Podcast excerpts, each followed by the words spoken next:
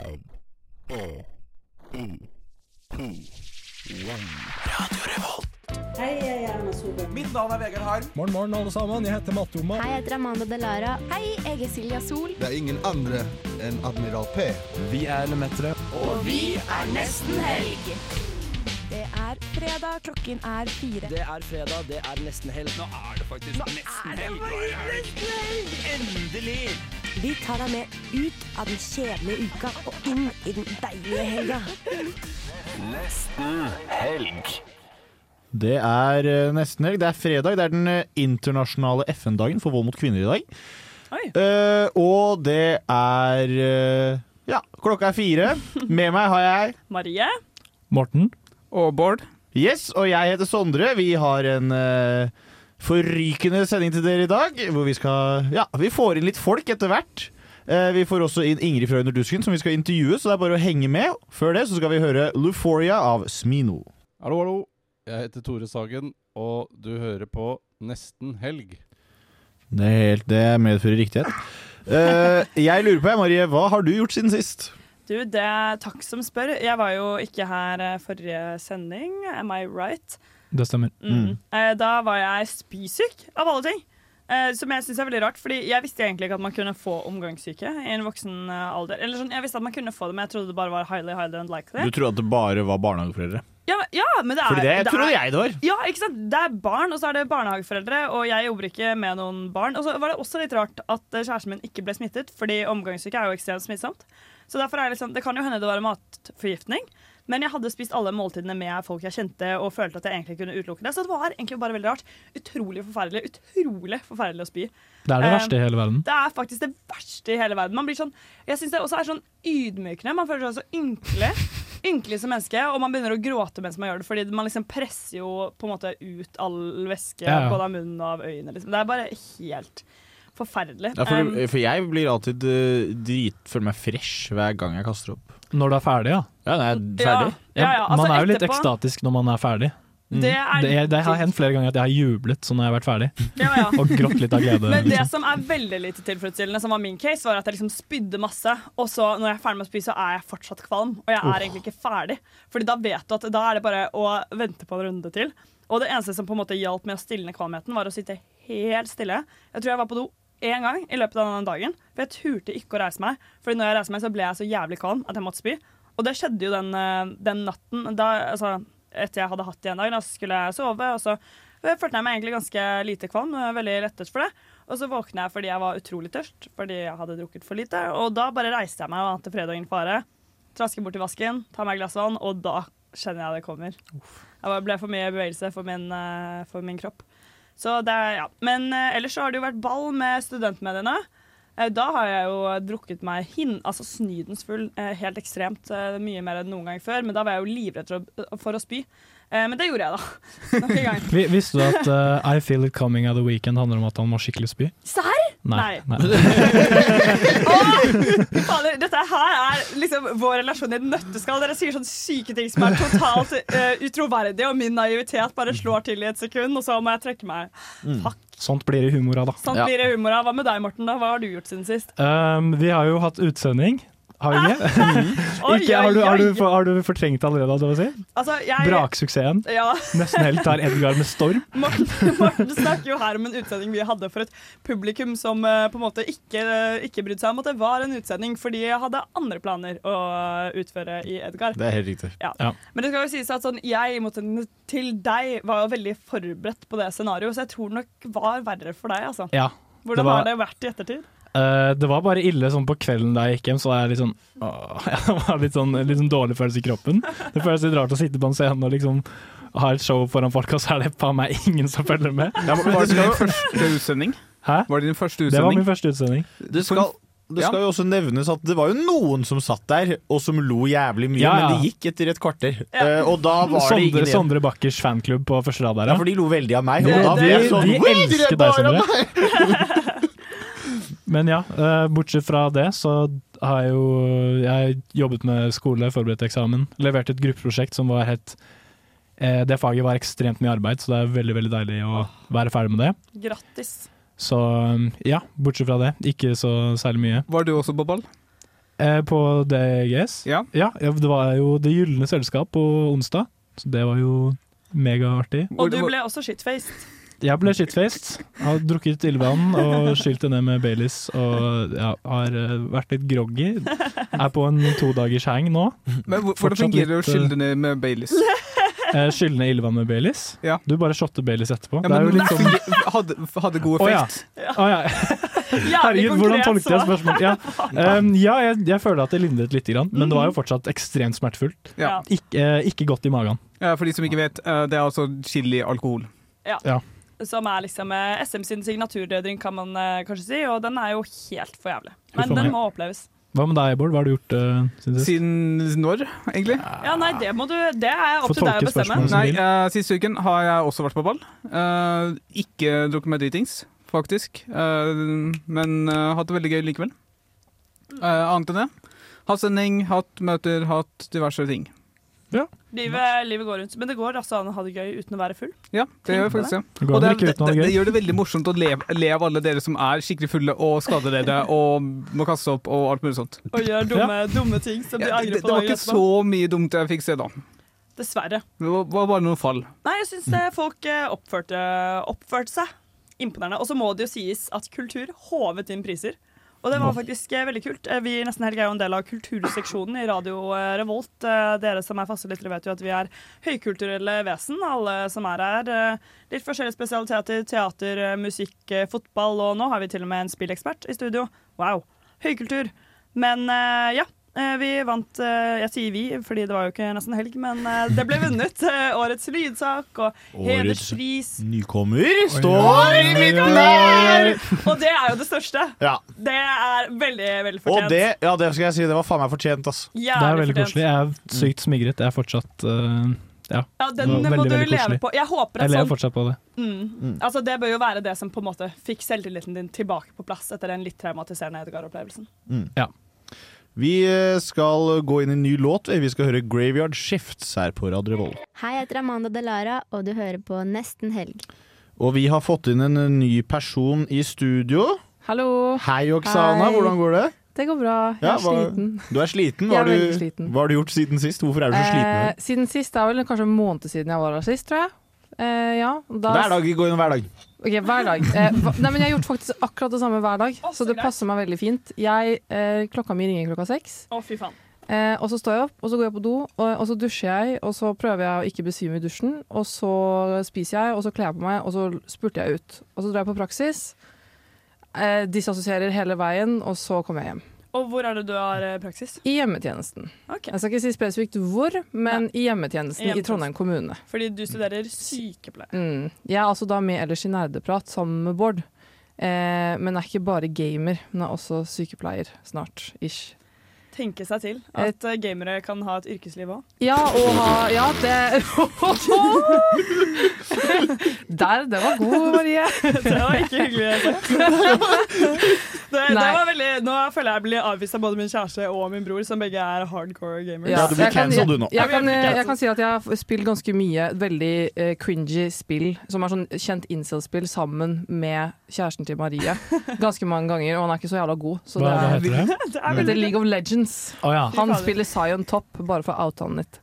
Eh, det sier dere ingenting. Nei. Men det, Det sier meg noe. det sier deg noe. for Og si Bård, sånn. Bård er, det, er det ille å spille Zion Top? Eh, det er for lenge siden jeg har spilt, jeg vet hvor ille det er. Men det er en eh, litt Det er en spesiell type. Men, men hvorfor? Fordi Det lurer jeg litt på, Fordi det snakker jo også Jakob en del om at sånn, noen karakterer får man veldig mye shame for å spille. Hvorfor er liksom den kritikkverdig, for eksempel? Eh, for meg er det mer det at man bare spiller én ting.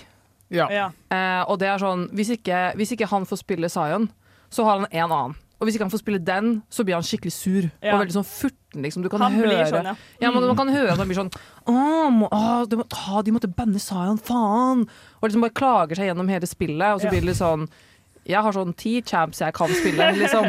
Kanskje du kan utvide poolen din litt. Nei, jeg skal ikke snakke for mye dritt Ja. om Jakob. Jeg vil snakke om det jeg har gjort på jobb. Eh, da vet jeg at folk er veldig sensitive og sånt, så det er trigger warning til Sondre og andre. Eh, I dag så var jeg på et veldig spennende sårstell. Eh, og det er et sårsted som innebærer Altså det, denne personen har altså et uh, sår som lekker såpass mye at uh, de har puttet på en nefrostomipose for å samle opp den væsken, for det bare lekker og lekker og lekker, så den er konstant måte, våt da, på denne Hva, veggen. hva er en nefrostomipose? En nefrostomipose. Vanligvis så er det jo håper å si, på magen. Det er det som samler opp uh, litt eh, urine. Eh, og egentlig har jeg aldri sett en nefrostomipose andre steder enn på magen. Du har jo stomiposer, nefrostomiposer i, altså, Du har en rekke med poser da, man kan feste i kroppen. Ja. Men hun hadde da denne festet til beinet. Eh, og så måtte jeg tømme den. Eh, men eh, det, var, det gikk helt fint. Jeg har tømt verre. Eh, og hun var strålende fornøyd med å få tømt en 500 milliliter god Å, fy væske. Det til er, 500 er ikke det 5 dl? Det er 5 Quick desiliter. maths. Det er 5 dl, ja. Og det, Det er som Powerade-flasken her i det er en. Powerade-flaske, ja. Det er det, Har den, er farge, har den samme farge som denne blå Eh, Poweraden? Nei, er den har samme farge som som gul Powerade. Å, fytti helvete. Det er for- Den- det er for- er den det- har favoritt-Poweraden min, så den er ødelagt ennå. Har har det samme viskositet, eller er det litt mer? Det er Det er litt litt tykkere. Det minner Ja. meg litt om olje, om rapsolje. Litt Ja. gulere rapsolje. Og da er oljen ødelagt òg. Ja, men jeg bruker kun melange, faktisk, så det Sykt. Kun melange. Det er rart. Hvorfor er det rart? Øh, Fordi alle bruker olje, liksom. Og dessuten så Jeg er veldig Ja, men det er litt det er så jævla dyrt. Ja, men jeg liker den der litt sånn Så jeg blir sånn uh, litt Altså, mer se, se på han, da. Så klart han uh, bruker melange. Han har jo smooth eh, Bare fordi at, bare fordi at dobbelthake? Du Ja. kan ikke tulle med at du har dobbelthake engang. Sondre han er liksom the fit man i uh, The fittemann in this room. Fittemannen. Det Ja. er, når du tenker på han, så tenker du på fit person. Det er, det er ingen som gjør. Men uh, Men eh, Sondre, du, du har jo ikke fått eh, snakket om hva du har gjort siden sist. Hva Nei, har det, du gjort siden sist? har- jeg, var, eh, jeg har vært på julebord med linjeforeningen min. Var der i tre kvarter. Fikk eh, prisen Årets latter. Oi, fortjent. Gratulerer. Det var fullt fortjent òg. Og jeg sa til de andre at jeg blir, før kåringen kom, så jeg blir sur hvis jeg ikke får den. For jeg er kjempesint. Da går jeg. Ha, hadde du standup for å få den? Nei. Nei. Hva måtte du gjøre for å få den? Ingenting. De hadde bare kåret den gjennom De var bare året. redd, liksom?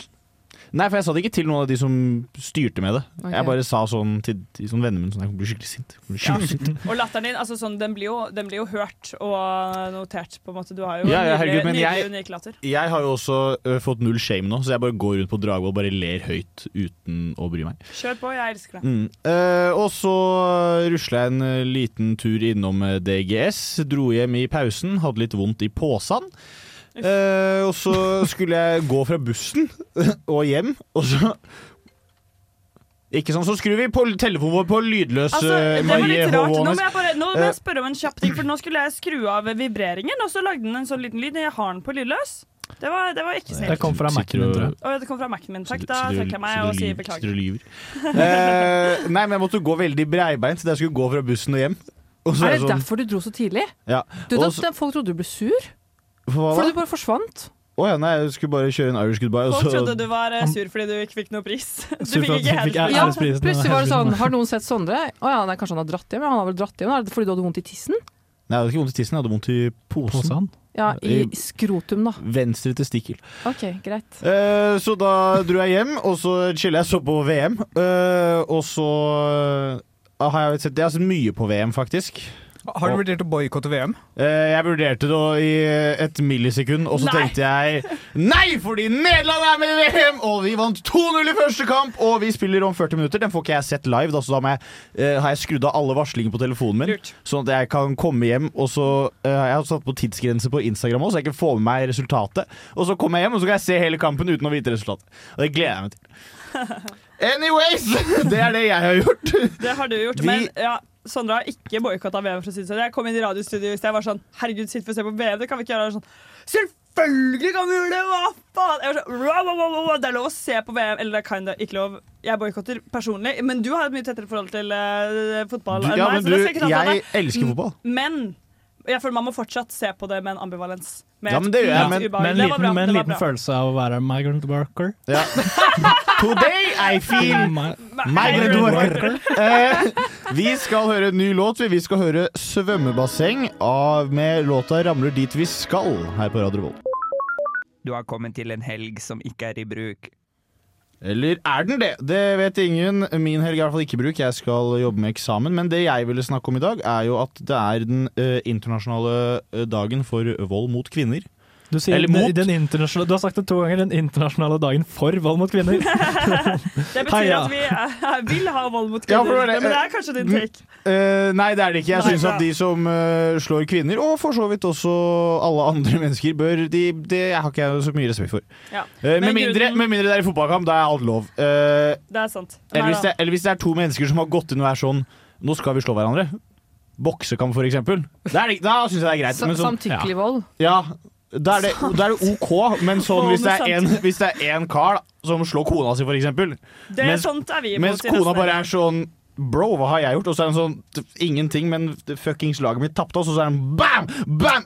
Det syns jeg ikke er Ikke noe. bra, og det har man jo sett. Det er faktisk ganske sykt etter eh, England Ja. eh, taper i fotball. Så Ja. går kvinn, eh, vold mot kvinner drastisk opp. Mm. Fordi Så folk kvinner, har så det, er, det er ikke, blir ikke noe gledelig jul for kvinner i England denne jula her. Nei, det, men, Eh, det men- er jo en grunn til at man har Det kan vi jo si. Altså, sånn, du nevner jo innledningsvis at sånn, all vold er fæl, og det er den jo absolutt uansett hvem den er mot. Men grunnen til at man har en uh, spesifikk dag hvor man markerer vold mot kvinner, er jo fordi det dominerer noe ekstremt på statistikken. Vold mot altså, kvinner absolutt. utført av menn.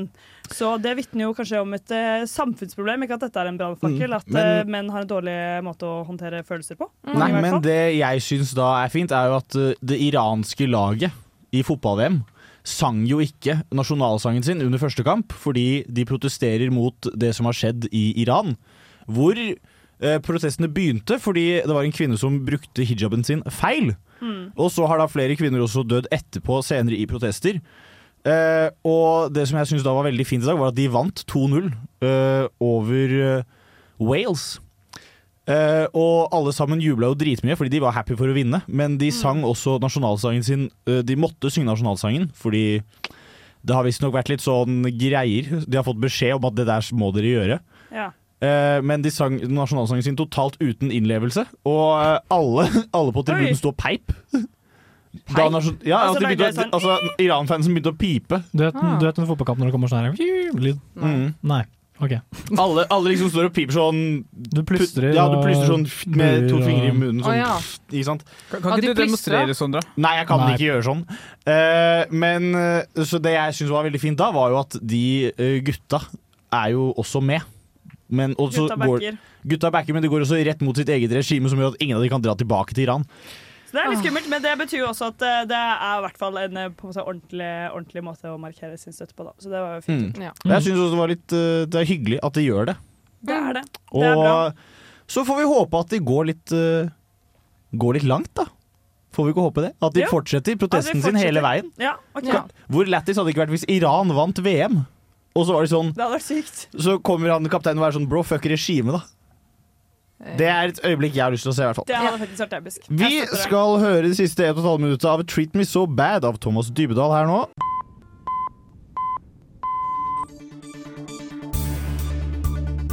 This is breaking news brought to you by Almost Weekend here at Radio Revolve. Og det er eh, breaking news, og jeg har breaking news til dere i dag. Ja. Kanye West skal stille som presidentkandidat i 2024. Igjen? Ja. Igjen.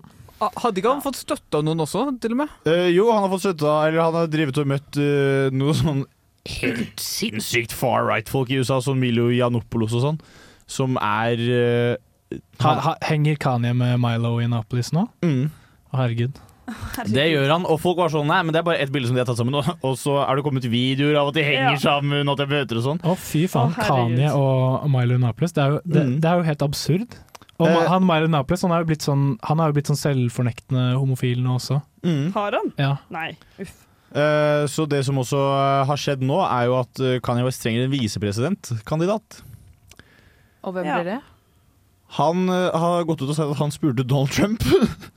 Wow. Herregud. Men, men jeg, jeg Men- trodde de liksom ville kvitte seg med Donald Trump. Altså, En gruppe vil kvitte seg med Donald Trump, og en annen elsker han og vil ha han fortsatt. ja, og Donald Trump vet jo også det, så Donald Trump har jo sin egen kampanje. Ja, så så klart. Kanye West har bare rusla bort til Donald Trump og vært sånn Jeg vet at du driver med din egen ting, men kan ikke du bare Det er visepresidenten min, da. Å, herregud. Uff, det er bare sånn Det må jeg virkelig si sånn det er, altså det er jo veldig mange, veldig mange kjendiser som gjør eh, sjuke ting, og man merker jo liksom hver gang så prøver de som elsker disse kjendisene å forsvare dem så langt de kan.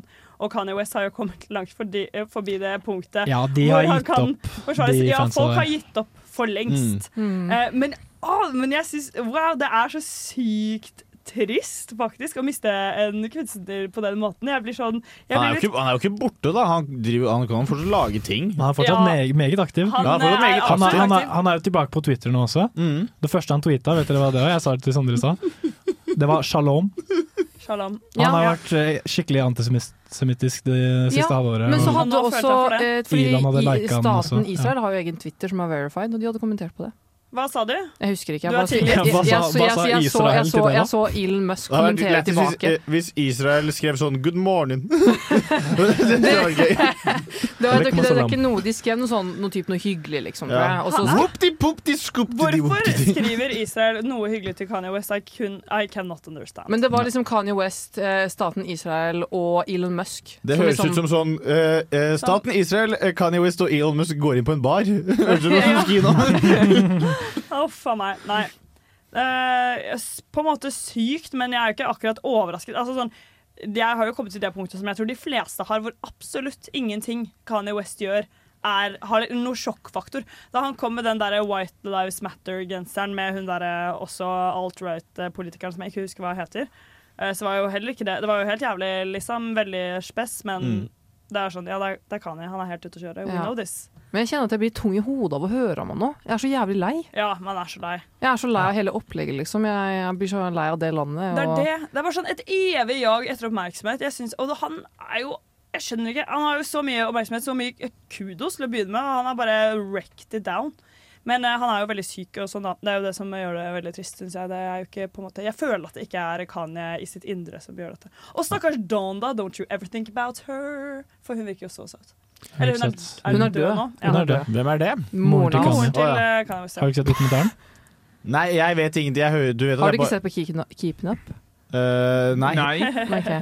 Jeg har har, jeg har sånn syv jeg. Sting-intervjuer jeg må catche up på. Ja, det er faen meg sant. Det må komme først. Og Nei. kanskje en liten uh, musikal også, men uh, de spiller ikke den noe sted nå nå lenger. Hæ? Skal, har Sting laget en musikal? Sting lagde musikalen The Last Ship i 2011. Og så har du ikke sett den? Uh, nei. Det er weak, sånn Men, nei, men de setter den bare opp i sånn Glasgow og sånn. Og det Ja, er sånn Nå skal jeg til Edinburgh for å se på, og så er det sånn Så klart skal du det. ja, men hvem, hvem skal jeg dra med, da? Skal jeg sitte der alene? Faren din, ikke Faren din elsker ikke han Sting like mye som deg. Jo, men pappa liker ikke å dra til Storbritannia. Oh. Så da er det liksom fader. Hvordan har han utelukket en så stor Nei, jeg eh, kødda bare. eh, men eh, Han hadde sikkert gjort det, men det koster jo penger, da. Det gjør jo det. Det er jo ikke gratis. Nei, det er jo ikke det. Men kan, kan du ikke erstatte én fotballkamp med Sting-musikal? Eh, Og se på TV istedenfor. Se, på- se fotballkampen på TV, ja, dra men på nå ser jeg jo fotballkampene på TV. Ja. Fordi nå eh, har vi ikke sesongkort lenger, dessverre. Bruk de pengene på Sting-musikal. Ja, men eh, det blir trangere tider, så de pengene må brukes på høyere strømpriser og høyere matpriser, inflasjon. Mm. Så det, det går trått om dagen. Det går jævlig dårlig, faktisk. Det er noe med det. Men det For går i hvert fall ikke så dårlig som det går for eh, Kanye West. Nei, absolutt ikke. Det er en trøst. Vi skal eh, høre en ny låt. Vi skal høre 'Grav deg ned' av bra. din Moris.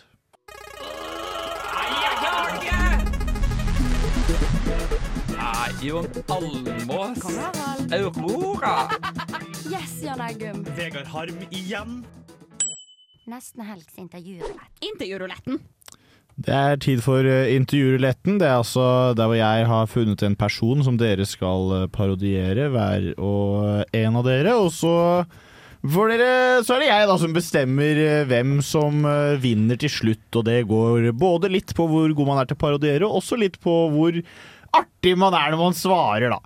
Men Så vi får altså vi får samme person? Dere får samme person, ja. Ja, Okay. Fordi ellers blir det jævlig vanskelig for meg å sitte og bestemme hvem som var best, hvis, dere, hvis en tar uh, Geir Skau og den andre tar Atle Antonsen, liksom. Godt poeng. Da vil jeg gjerne være sent ut, sånn at jeg kan eh, stjele masse Det informasjon om den aktuelle personen. er eh, Ja, men jeg tror at denne personen tror jeg du kanskje har sett før, og vet hvem er. OK, OK.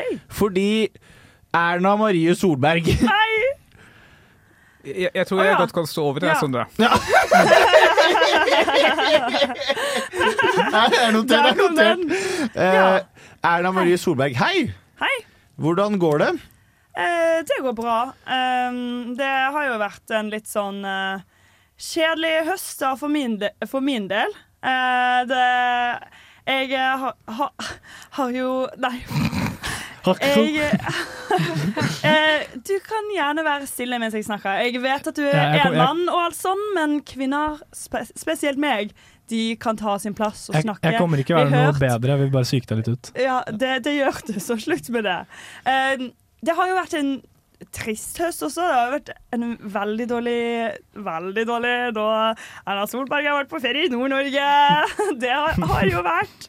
Eh, og i Trøndelag, faktisk. Ja, eh, jeg, vil- ja, jeg har et spørsmål der, skjønner du. Eh, fordi du sier det en dårlig, har vært en dårlig høst, men hvordan skal dere i Høyre prøve å løse dette? Eh, det skal vi prøve å løse med å komme til makten igjen. Eh, og det tror jeg vi skal klare, fordi Støre han gjør liksom jobben sjøl. Selv.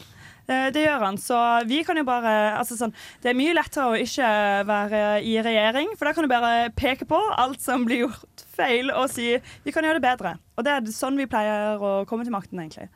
Sånn som alle, alle andre, så det går bra. Takk skal du ha, Støre, for at du er en så dårlig person til å lede arbeidet. Jeg tror at vi kutter eh, Erna Marie Solberg akkurat der, så så Ja, spør vi eh, Erna Morten Solberg. Hallo, Sondre. Ja. Har du Kanskje litt lysere. Vent, skal vi se. Ja, hallo, Sondre. Hun snakker jo ikke så eh, dypt, eh, nei, så lyst. Hun Hun har jo lagt Ikke Hallo, Sondre. vi- Ikke, ikke, Sondre. Bakker. Ja. Uh, jeg lurer på, jeg, Erna Morten Solberg, hva er deres økonomiske politikk for kommunevalget? For kommunene? Altså, hvordan, snak, hvordan snakker man i Bergen? Ja, det er så vanskelig! Jeg Jeg tenker at som vi, skal, vi skal stå på, og så gir vi 110 Og så tenker jeg at eh, jo hardere du jobber, jo mer flaks får du. Dette er faktisk verre enn meg. Så det, det er min plan for uh, Høyres økonomiske politikk. Ja. Og, men nå er det også Det er, planen er å jobbe hardt, og så kommer flaksen. Ja. Tenker jeg. Word. Ja, fordi jeg så jo også sett eh, FrPs alternative budsjett for eh, 2023. Eh, Der planlegger du å ta eh, penger fra Folketrygdfondet. Er det noe dere i Høyre også har vurdert? Um, ja, skal vi se. Altså, jeg, jeg vil prøve å ikke komme så dårlig ut av dette intervjuet, så jeg tror at vi dropper det spørsmålet. Det er notert. Da går vi videre til uh, Erna Oksana Solberg. Mm, Hvordan, uh, hvordan står det til med deg? det går bra. Mm. Eh, Kort, kortfattet til deg. eh, nå er det sånn at du har sittet i snart eh, to år uten å være statsminister. Nei, snart ett år uten å være statsminister. Eh, hvordan eh, har det siste året vært for deg? Um, det har vært grusomt. Nei, jeg, jeg klarer ikke det her. Jeg kan ikke ta dialekter.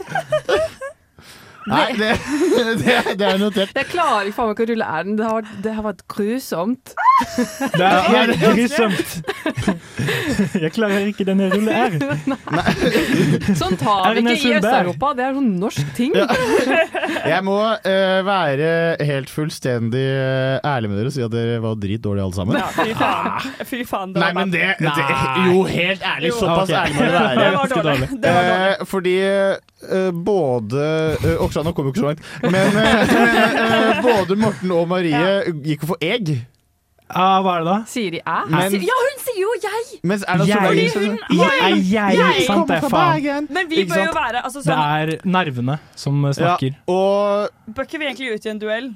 Sånn, Eh, ingen av oss var så gode, men Oksana var jo i hvert fall verst. Nei, er eh, det bør dere ikke ut i. Fordi nummer én, vi har ikke mer tid. Og nummer to, jeg har en klar vinner for meg, og det er Morten. Fordi Ja, Jeg nekter det. Nei, men Marie, du, Marie, du var jo, rulla jo rundt oppe i Bø i Vesterålen og greier. Det var helt Du, du var på ferie! Du var langt nord, Marie. Erna Solberg har dratt på ferie, og så blir det sånn! Hva er det du holder på med? Jeg tror det var en liten tur der. Morten holdt seg i hvert fall til ett sted. Men hun har faktisk en nordnorsk far, så hun kan legge om.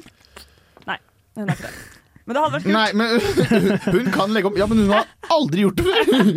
This was the first time. Nei, Ja, jeg er Faen, enig. selvfølgelig hun sier Jeg kan- jeg. Jeg, jeg, jeg gir deg den, men vi sugde begge to, da. Det kan Ja, det, var, det, er ikke, det er ikke noe sånn 'Å, Morten var kjempeflink', og uh, var også flink. Det var begge, var begge, to, begge to var dritdårlige, og du var, Morten var bare bitte, bitte Jeg bare holdt meg i Bergen. Det var det eneste. Det var det. Vi skal uh, høre en uh, ny låt her på Radio Revolt. Vi skal høre 'Sleepwalkers' av Mia Berg. Hei, dette er Kamara, og jeg er på Nesten Helg, bitch. Og Morten, du har lyst til å prate litt om Twitter, du? Ja, jeg fikk lyst til å prate litt om uh, Twitter, fordi det har seg jo slik at uh, Muskemannen Åh! han, har- han har jo foretatt seg Ja, ikke sant? hater oss så mye! Ja, han er ganske nasty, nasty boy. Kan jeg bare si en veldig kort eh, ting? Altså Mitt kallenavn gjennom hele eh, oppveksten har vært Muskelusken, og det er jeg veldig lite fornøyd med nå. Ja, fordi musk betyr sånn derre Musk- odør. Nei! nei. Musky. Det er ikke det jeg tenker på. Musky Musk er Marie. en god, eh, egentlig god lukt. Musk, musk er jo en sånn mannlig stank. Oh, Er det det? Ja, du, du, du, Manneparfymer skal jo ha musk i undertone, for de skal lukte liksom sånn mannlige feromoner. Eller Ja, hva men det jeg trodde det var godt. Jeg elsker jo mannlige feromoner. Jeg blir jo eh, glad når jeg lukter det. Men liksom ja, Jeg Muske- mener mest på grunn av Jeg tror, du bare, jeg tror du bare liker gode lukter generelt. Jeg vet ikke om du husker det, Marie. Du sniffet meg jo i hjel. Jeg måtte kalle på kjæresten din så hun må redde meg. Å ja, hvorfor var det jeg For sniffa så mye på deg? for jeg tok på parfyme. Ja, og da sniffa du godt. Og Da du var sånn når, Du lukter så godt! Og sånn, herregud! Og så gikk det opp nakken min. Jeg var sånn Jakob! Det var koselig. Det var, Det var litt koselig. Ja. Er lenge siden jeg har hatt så intim kontakt. Ikke sant? Mer av det. Sa og ble rød i Kina! Nei, Ja, ja, vi ble litt røde begge to jeg, nå. Har funnet en definisjon av musk her. Ja, A strong smelling reddish brown substance which is uh, secreted by the male musk deer for scent marking Ja. and is an important ingredient in perfumery. Ja, nice. Ja. Så ja, da Du, har man vi det vil gjerne assosieres med musk, men ikke med Elon-musk, Ja. så du kan ta oss dit. Det var jo ikke denne musken vi skulle snakke om. Nei, det var det var ikke jo musken som har kjøpt Twitter. Under musken. Og det er Under, ikke en under musken. Det er Ja, en så nå er. Twitter under muskens musk. uh, makt. Det var god vits, Sondre. Det var, ja, det det er en koselig vits. Eh, men i hvert fall, han har jo eh, I løpet av den siste tiden så har han unbanna Donald Trump, eh, John Pearson, Andrew Tate og Kanye West. Sånn ganske, I ganske quick uh, succession. Han han det, her er jo, det her er jo Hall of Fame. virkelig sosialdemokratenes uh, fire store. det kan du faen Ja. si. Og ja, uh, Andrew Tate det, er kanskje, det var ikke så interessant det han twittet egentlig.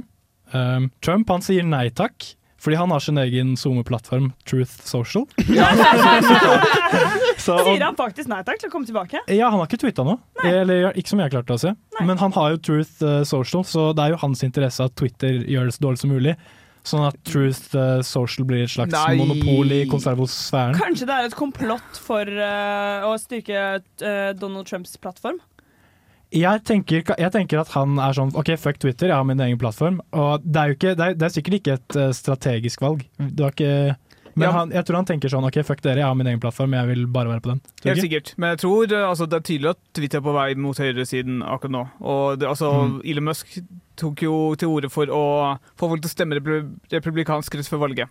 Selv om han mente at Twitter ikke skulle være noen plattform for politikk, så mente han at folk skulle stemme republikansk. Ja, Mm. herregud. Nei, jeg Eh, tror jeg skal slette Twitter nå, jeg. Ja, vær så snill. Alle, alle slutt å bruke Twitter. Det, er- Men de har begynner å bli laget for en dumt. ny Nå husker jeg selvfølgelig ikke hva den heter, men de har laget en ny Twitter-like plattform som skal liksom være ikke problematisk. Ja, den som heter sånn Mastodon eller Ja, noe sånt, ja. Ja. Ja, Den som har eksistert altså, i ti God on Twitter. Oh, ja. Ja, men God, altså, altså Gutt sin verified Twitter-account, hvis du har sett den. God Mm. on Twitter. Ja, han har jo vært sånn fuck det her, jeg migrerer til det I'm out. andre. I'm out. Nice. Altså, jeg vil bare kommentere Jordan Peterson han er på Twitter hele dagen. Han har tweetet Vil noen gjette hvor mange ganger han har tweetet i løpet av de siste Eh, 24 timene? 10 000. 50. Ok, Eh, noen andre? eh, 77. Jeg sier eh, 40. Det riktige svaret er 51. Gratulerer, Bård. Takk. Veldig bra gjett. Oi, det var, du gjettet Men det er jo men det er fordi Bård følger uh, Jordan Peterson. og jukser. Nei, jeg, Hva har du å si til det, Bård? Uh, nei. Jeg kan jeg kan avkrefte det riktig, Sondre. Man kan, man kan jo følge JP bare for å få litt memes, da. Det kan man gjøre. Nei. Litt en Nei, god nei jeg, det gjør ikke, jeg gjør ikke det heller engang. Nei, men jeg fulgte faktisk Donald Trump på Twitter, jeg. Ja. Ja. For Det er jo- Det underholdningens er skyld. for Det underholdningsverdi. er jo Mm. dessverre stor underholdning. Mm. Det er jo gøy. Det Det er jo morsomt når han, t- når han Når du vet at han er av, fullstendig avholds, og så tweeter han Koffe på klokka fem på morgenen! Så er det sånn hva i helvete! Ja. Det er litt gøy. Det var gøy. Det var stor humor. Tipper det er noen prescription drugs der som spiller en liten rolle. Det er ganske gøy helt til man innser at det er veldig mange som hører på han. Ja. Da Ja. begynner det å bli trist. Det er veldig trist og gøy faktisk, samtidig. når han først liksom eh, eh, annonserte at han skulle stille president helt way, way, way back, så trodde jeg faktisk ikke på det. Jeg trodde, for jeg så det bare på YouTube, og jeg trodde at det var liksom en parodi. Jeg trodde det var en Mm. YouTube-kanal som parodierte presidenter. Fram til noen sa til meg 'Å, herregud, hva hvis han vinner?' Så var jeg sånn, men det er jo ikke sant. Jeg han husker- er jeg jo husker de bare en følelsene, jeg også. YouTuber. Ja. Er sånn, nei, Oksana, han er en ekte politiker. Er sant, Hva Ja, het ja. den serien som handlet om han? Han hadde jo en sånn Eh, The serie Apprentice. Ja, The Apprentice. Altså, You're sånn, fired. han, ja, han var jo bare en liksom kødden fyr som man lo uh, av Ja, jeg og trodde det var tok en litt komiker. useriøst. Mm. Ja. Har han også en gjesterolle i Hjemme alene 2? Mm. Ja, det har han jo. Inne på det Ja, men, der. ja, men det, det er jo håper jeg, så lenge siden, liksom. Jo, jo, men jeg, sånn, uh, man ser jo fortsatt Men- de filmene hver jul, og det er et sjokk når man ser han uh, i en sånn kontekst. Ja, for Sasha Baron Cohen i, uh, Borat, uh, i den første Borat-filmen, så det er jo liksom Han forutså jo Donald Trump sitt store liksom oppspring, da, for han bæsjer jo foran i den der lille blomsterkassa foran Trump Towers her, så sitter jo han og driter og roper 'It Arrive'. Eh, som jeg syns er kanskje en av de beste scenene i filmen. Eh, men det, det er bare min personlige mening. Eh, I hvert fall så syns jeg at eh, Jeg syns at personlig at Donald Trump eh, Da han stilte, så er det sånn dette her er lættis, dette er dritgøy. Og så vant han Og så så jeg på valgsendingen på natta, og så vant han Florida. Og så var jeg sånn, nå er det ikke morsomt lenger, for nå, nå vinner han hele greia. Da var det ikke funny. Ja, Da var det jeg absolutt husker, ikke funny. husker, hele- jeg husker de følelsene der. Hva Da- tror vi om oddsene oddsen hans for uh, gjenvalg, da? Eh, jeg tror det kommer til å bli skremmende mye, men jeg tror ikke han vinner, nei. Jeg tror ikke han blir republikanersk kandidat hvis Nei. Ron DeSantis stiller. Jeg tror republikanerne har begynt å hate han. Mm. Det er, altså, alle, veldig mange store republikanske folk har snudd seg mot han nå. Ja. Men Så jeg tror, tror tror det er mange som vil stemme på han, men jeg tror tror ikke han kommer til å komme seg gjennom, nei. Nei, jeg tror at Hvis Ron DeSantis stiller, så fanger han mer eller flere i det republikanske partiet. Så da Mm. tror jeg at han uh, tar nominasjonen. Mm. Så kan han slå Joe Biden, da. Den gamle, gamle mannen. Stakkar. Vi skal uh, høre en uh, ny låt her på eh, deres favorittradiokanal Radio Revolt. Vi skal høre Quattro Campione med Louis van Gaal. Morgen, morgen, alle sammen. Jeg heter Mattoma, og du hører på Nesten Helg. Og vi har fått inn en uh, ny gjest i studio, Marie. Det stemmer vel, det? Det gjør vi. Velkommen til deg, Ingrid. Tusen takk. Du er jo vanligvis journalist for Under dusken, som Mhm. på en måte er avisen til studentmediene. Eh, og eh, grunnen til at vi hadde litt eh, ekstra lyst til å snakke med deg spesifikt, og ikke en hvilken som helst Under dusken-journalist, er jo at du fikk ansvaret for å skrive en litt spesiell artikkel dette semesteret. Jeg tror det er alle bekjent i Trondheim, og faktisk ganske mange andre landsdeler nå, begynner å bli, som fikk med seg mistillitsforslaget som ble rettet mot samfunnsleder, og som også førte til at samfunnsleder og styret måtte gå av. Um, og det er ikke noe som skjer uh, veldig ofte, er det vel? Nei, sist det skjedde var vel i 1971. Så eh, det er veldig sjeldent. Ja, det, så det var et eh, realt skup, kan man nok si. Og vi skal, vi skal snakke litt om det straks. Men først, Ingrid, vil du fortelle litt om deg og vervet ditt, og hva, hva du driver på med her på huset? Ja. Eh, akkurat nå så er jeg avtroppende nestleder eh, i Underdusken. Men jeg har vært journalist siden 2019. Eh, da var jeg journalist for forskning og forbruker. Så da skrev vi først og fremst saker om forskningsmiljøet i Trondheim, og jeg hadde litt sånn matspalter her og der. Eh, men nå har jeg vært nestleder eh, et år, da. Så litt eh, vemodig å gå av, men også litt deilig. Ja, det skjønner jeg. Det er jo mye jobb, vil jeg tro.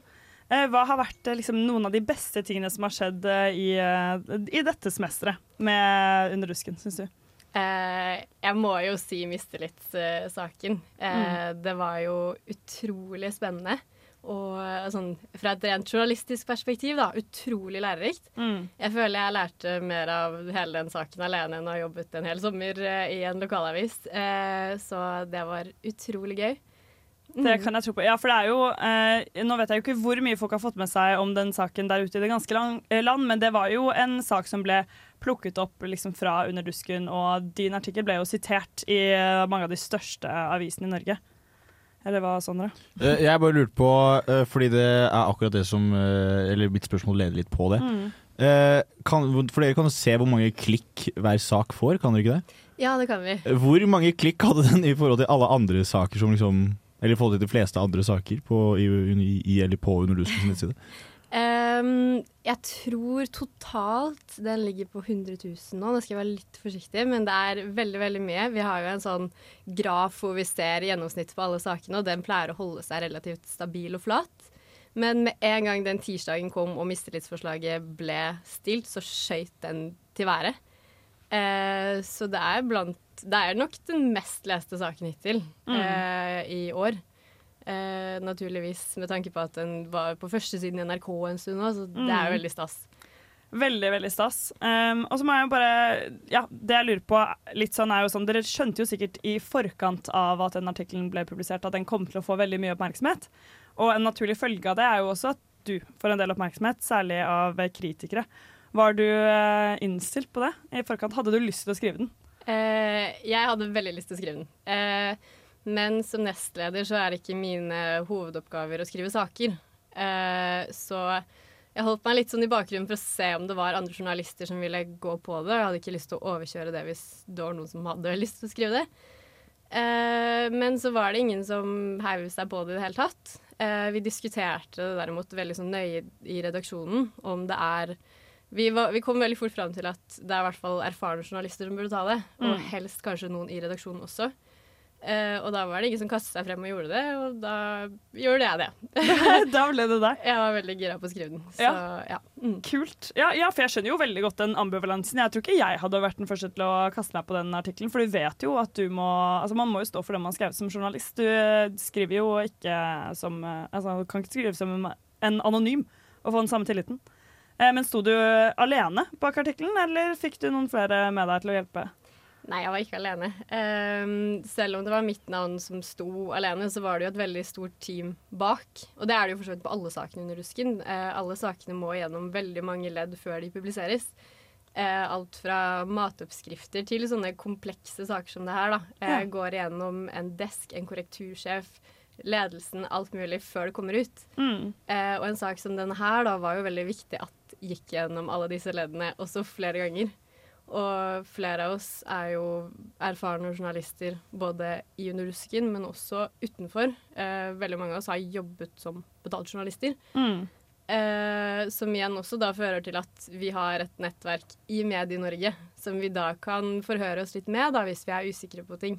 For det, i sånne saker som det her, så kan man ikke publisere ting hvis man er usikker. Eh, som en frivillig avis så er man liksom avhengig av en kanskje enda større legitimitet da, enn det betalte aviser har. Fordi vi baserer oss jo på at folk plukker oss opp av eh, ja, egen frivillig, holdt jeg på å si. Mm. Ja. Eh, var det saker basert på tips som du da måtte sjekke om var riktig, eller var det, skrev du artikkelen når det var offentlig informasjon at det skulle komme dette forslaget? Eh, som dere sikkert også fikk med dere, så var det noe som begynte å murre ganske tidlig. Eh, når det kom frem at det var en utestengelse. Eh, og da, etter å ha vært journalist noen år, så var vi flere som har en sånn innebygd radar, vil jeg si. Mm. Hvor man tenker at OK, shit, nå er det potensielt en ganske stor sak. Fordi at det at samfunnsleder blir utestengt, Mm. er jo en sak i seg selv. Ja. Eh, og så begynte vi å få litt mailer som var sånn OK, når er det dere skal skrive om det her? Men da hadde vi fortsatt ingenting bekreftet. Mm. Eh, men så eh, jobbet vi litt sammen og fikk det bekreftet fra veldig mange uavhengige kilder at samfunnsleder er den personen som var utestengt. Og Mm. så kommer det jo fram at KSG skal stille et mistillitsforslag, og da er det jo bare å kjøre på og Ja. jobbe veldig fort. Ja, så bare som en liten oppklaring for de som ikke fikk med seg på en måte det som skjedde i forkant av saken, så ble jo samfunnsleder Samfunnsleder var jo allerede utestengt i en periode på to uker eller noe sånn, eller en uke, det er jeg litt usikker på, for noe som hadde skjedd på huset, og det var jo dette som utviklet seg til å bli en større sak enn bare en sånn midlertidig, midlertidig ja, utestengelse. Eh, men litt sånn videre egentlig på det med informasjon og sånn som dere får, for det var jo eh, mye forskjellige historier som gikk rundt. Og selvfølgelig, altså sånn Samfunnet er et hus fullt av studenter. Det blir eh, mange rykter og mye informasjon å forholde seg til. Eh, hvordan var det dere avgjorde til slutt om den informasjonen dere hadde fått, var pålitelig nok til å skrive om det? Eh, vi hadde jo først og fremst det vedtaket som hadde blitt gått gjennom av rådet. Eh, så da hadde jo de avgjort at nå er det pålitelige kilder som har eh, historier som matcher med hverandre, som da førte til det vedtaket. Mm. Eh, og det vi gjør videre da, for å bygge på det, er å da eh, snakke med pålitelige kilder uavhengig av hverandre, som bekrefter det som ble sagt av rådet. Mm. Eh, men som det også kom fram på det mistillitsmøtet, eh, var det jo to totalt sprikende historier. Ja. Og den, i den saken som vi la fram, så ble man jo ikke noe klarere egentlig på hva som egentlig skjedde den kvelden. Eh, men det vi gjorde, var å få i hvert fall de to historiene og legge fram det som matchet, da, og det vi på en måte kunne 100 bekrefte. Mm. Alt annet som var litt sånn ja, jeg har hørt, eller kanskje, jeg vet ikke, det er sånne ting vi ikke kan skrive om, fordi Ja. det er ikke bekreftet. Mm. Ja, de to eh, historiene, det, var jo, det er jo de som står i Underdusken, og den artikkelen kan dere lese selv, men hvor den ene er på en måte mer at eh, det var eh, tilsiktet, en uh, tallerken som ble kastet med liksom vilje, og den andre er vel at det skjedde litt uh, uten vilje. Er det sånn å forstå? Ja. Var det, var det vanskelig for dere å liksom lande på at nå går vi for to historier, og vi kan ikke på en måte bestemme oss for en historie å formidle? Uh, og det hadde jo blitt helt feil, rent sånn presseetisk sett også. Eh, vi fikk jo en mail av samfunnsleder hvor han ga sin versjon helt skriftlig. Mm. Eh, og vi snakket også med ledelsen i den eh, gjengen som anklaget, altså KSG. Mm. Eh, hvor de også ja, ga en sånn totalt annen versjon, da. Ja. Eh, og da utelatte enten den anklagende parten sin del eller den anklagde parten sin del, hadde jo blitt helt feil. Ja. Mm. Så det valgte. Eh, Var det en uh, vanskelig sak å skrive sånn presseetisk sett, syns du? Eh, rent presseetisk så syns jeg det var ganske rett fram. Eh, du har det med samtidig møtegåelse, tilsvarsrett, alt det der som var veldig tydelig, da, at her er det disse kriteriene vi må dekke. Hva betyr samtidig imøtegåelse? Eh, det er at eh, personen som blir eh, anklaget om noe, da, eh, skal få svare i samme sak. Eh, mens eh, tilsvarsrett er at de på en måte får lov til å svare på saken, men ikke nødvendigvis i helt samme sak. Mm. Eh, eller samme artikkel, da, hvis, hvis du mener. Ja. Ja. Mm. Fikk du mye kritikk i etterkant av publiseringen? Eh, ikke mye kritikk, faktisk. Eh, men eh, selvfølgelig fikk vi jo noe. Eh, og den var ganske krass, altså. Ja. Eh, men det var å forvente med tanke på at det er en så sensitiv og personavhengig sak, da. Mm. Eh, og også til dels ganske legitim Altså, eller legitim kritikk kan jo diskuteres, men eh, det tar opp en bra sånn debatt da, om sånne type personalsaker på samfunnet bør løses så offentlig. Mm. Eh, og det er jo en svær diskusjon i seg selv som jeg ikke skal begynne med nå. Ehm, men ehm, ja, mye kritikk fikk vi ikke, men selvfølgelig var det jo noe som vi også forventa. Det er kanskje verdt å påpeke at samfunnsmøtet var vel offentlig for uh, i hvert fall alle medlemmer, og det er jo ganske mange medlemmer på Samfunnet, og kanskje også mulig for liksom hvem som helst å komme inn, bare at de ikke kan stemme. Så det var jo allerede offentlig, og det at vi dekka den, er jo bare Men jeg er bare bra for liksom studentmiljøet. Definitivt. Ja, og det er jo også på en måte Man kan jo spørre seg det spørsmålet Hvordan ville folk reagert på hvis det ikke ble dekket? Ja. Det hadde jo sett eh, litt eh, dumt ut, vil jeg tørre å påstå. Ja, jeg tror vi hadde fått mer kritikk om vi ikke hadde dekket det. Det, det tror eh, jeg også. Men var det, syns du det på noe tidspunkt var ubehagelig å stå i den? For det er jo ikke noe tvil om at sånn Saken er jo alvorlig i den forstand at konsekvensene for samfunnsleder de kommer, jo ikke til å, de kommer til å følge han en stund.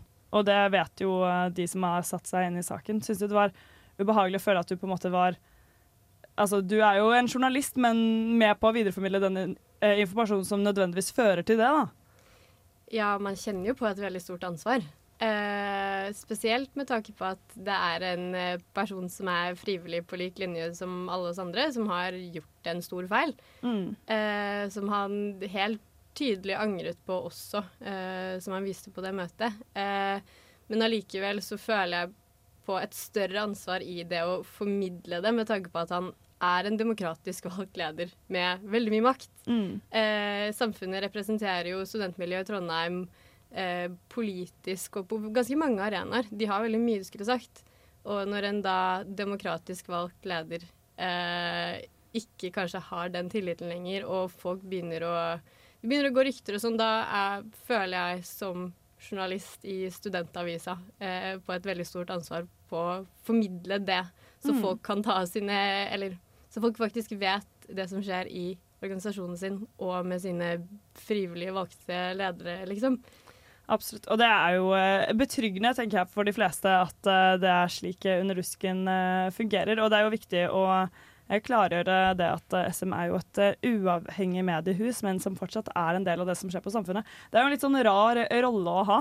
Det har du sikkert fått føle på litt ekstra dette semesteret. Mm. Men, eh, men eh, det, det er altså en hensikt med det. Tror du du kommer til å få et, eh, et, et lignende skup i fremtiden? Har du håp om det? Selvfølgelig.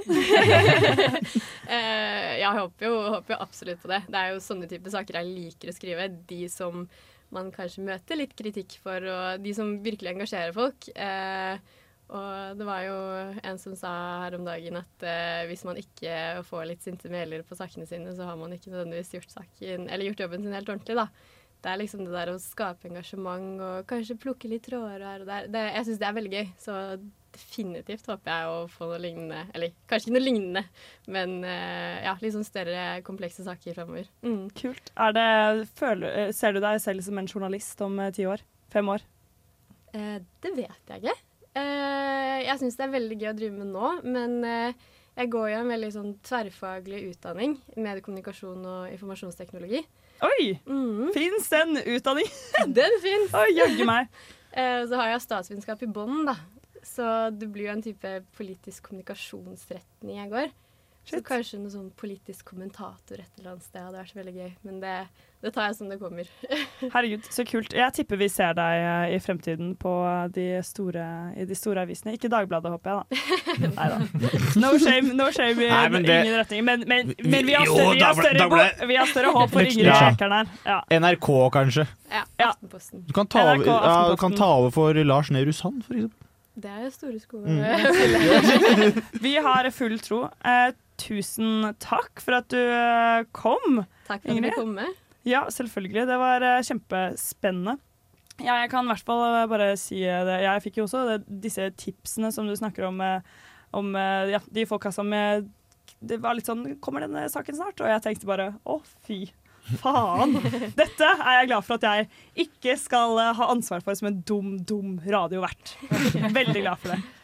Eh, Det er på tide å høre en låt, er det ikke det, Sondre? Det er for det vi skal høre Oksana av The Police. Jeg fikk en leiebil med dårlig felg. Men det er heldigvis nesten helg på Radio Revolt. Ja, og Morten, du vil gjerne snakke om eh, julegaver. Ja, eh, jeg har et julegavetips. Jeg har lagt merke til at det er veldig mange husholdninger som eh, har skitne kjøkkenkluter. Ja. Det er alltid, hver gang du skal eh, rydde på noen andres kjøkken, så å lukte på den kluten, så, er det, oh, så, så lukter det så surt. Ja, men det er så sant. Åh, Ja. Den må man egentlig bytte ut hele tiden. Ja, man må bytte, bytte den ut hele tiden, og det er, jo ikke så mye som skal uten grunn at uh, bare er det Black Debatt som, Black eh, ja. som har uh, låta 'Bytt kjøkkenklut oftere'. ja, faen. Sant det. Ja, men jeg er helt da enig med Egil Egeberg der, som er sikkert uh, hjernen bak den uh, låta.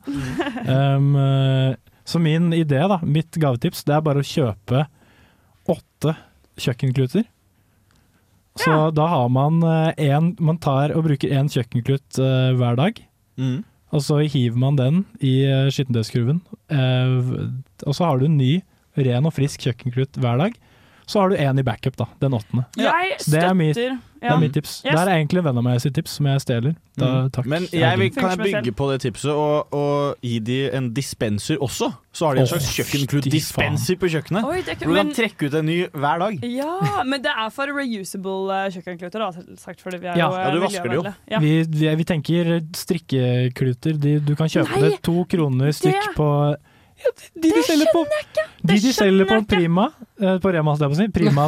Rema sin Prima-serie. De har en sånn strikkeklut som er helt kurant. Seriøst, jeg vet ikke. Jeg blir litt sånn disgusted av de strikkeklutene. Jeg Hva har slags, sett noen som hva slags klut bruker du? mikrofiberklut. Ha, det, det er jo det mest disgustinge i hele verden. Mikrofiberkluter. Er du det det? gæren? De er så, de er så Nei, jeg vet ikke, de er, de er, de er bare nasty. Jeg ikke Nei! Ja, Ja. at du, Hvis du har tørket benken med den tidligere på dagen og lukter på den senere, så er den, den er allerede nasty. liksom. Nei, du må jo bare altså, Du må vri den opp når du er ferdig, og så må du henge den sånn ordentlig, sånn at den tørker. Eller Altså, så kan du kjøpe men- en strikkeklut. Ja, men Strikkeklutene blir jo kjempevåte og ekle, de òg. Hvordan er de bedre? Det kan jeg faktisk ikke forstå. Du, det går helt fint. Nei, jeg er uenig. Hvordan, hvordan er de bedre? Det går helt fint. Det går helt Ja, jeg jeg syns de er ekle. Men jeg vil også bygge litt videre på den, for jeg liker også å gi sånne gaver som er liksom sånn hint, hint, du må bli litt mer renslig av deg. Eh, Så til min, eh, min kjæreste, nå håper jeg at han ikke hører på, så har jeg veldig lyst til å kjøpe eh, sånne nesehårklipper. Fordi han har jævlig lange nesehår som stikker ut som en gammel mann. Ja, jeg, Jakob tekniker i Radio Volt, altså. Ja. Bare for å understreke det, hvis det var noen som ikke visste det det fra før av. Så syns jeg det er en veldig frekk ting å gjøre å henge ut kjæresten sin på denne måten, bare fordi han, som også uh, andre menn, uh, hvorunder også jeg, uh, har litt lange nesehår. Ja. Det er en helt normal ting, og det er sunt å ha nesehår. Og vi skal ikke fjerne de, for da blir Jakob mye oftere sjuk, og det vil du ikke ha noe av. Jo, jeg Men vil, jeg har aldri jeg lagt merke til at han har lange neser. Nei, men Ikke jeg heller. Det er jo på veldig klass hold man merker Ja, det. men. Jeg er, ser jo Jakob på kloss hold. Ja. Det er jo hele Ja. poenget med å ha en kjæreste. Så- og jeg vil ikke se de er det- er det ikke sånn, er det ikke sånn eh, Maria, at du uh, bruker linser slash briller? Nei. Nei, ok. Kan du ikke, få, kan du ikke kjøpe noe briller med noe sånn styrke fire, da? Det så- bør jeg faktisk. og så, da, fordi da ser du ingenting uansett. Ja, det- så da er det liksom, da kan man bare drite i de nesehåra. Det er et like godt tips, men da må, må jeg liksom fortsatt pønske ut en gave. Og da syns jeg det er veldig lurt med sånn nesehårklipper, Fordi jeg driver jo og napper de innimellom foran, og det er veldig veldig smertefullt. Åh, Eh, fy så det faen, det er vondt. vil jeg ikke. Du kan, hvorfor bruker du ikke liksom en neglesaks? Uh, fordi Og jeg neglesaks er har sånn- disgusting Ja, in the same. face, Ja, da! men du må jo desinfisere de. Bare, bare vask neglesaksen, hallo. Nei, og Har du dessuten- hørt om kloreksedin, liksom? Eh, Nei. Nei, jeg, jeg putter ikke klorheks i din ne- neglesaks oppi nasen. Og personlig bruker jeg negleklipper og ikke neglesaks. Jeg har aldri forstått meg på folk som foretrekker neglesaks foran negleklipper. Nei, for jeg bruker også klipper. Jævlig praktisk eh, lite verktøy. Du må bruke der. alt sammen. Jeg syns begge deler har Nei. sine fordeler og ulempe- ulemper. jeg. Det, Åh.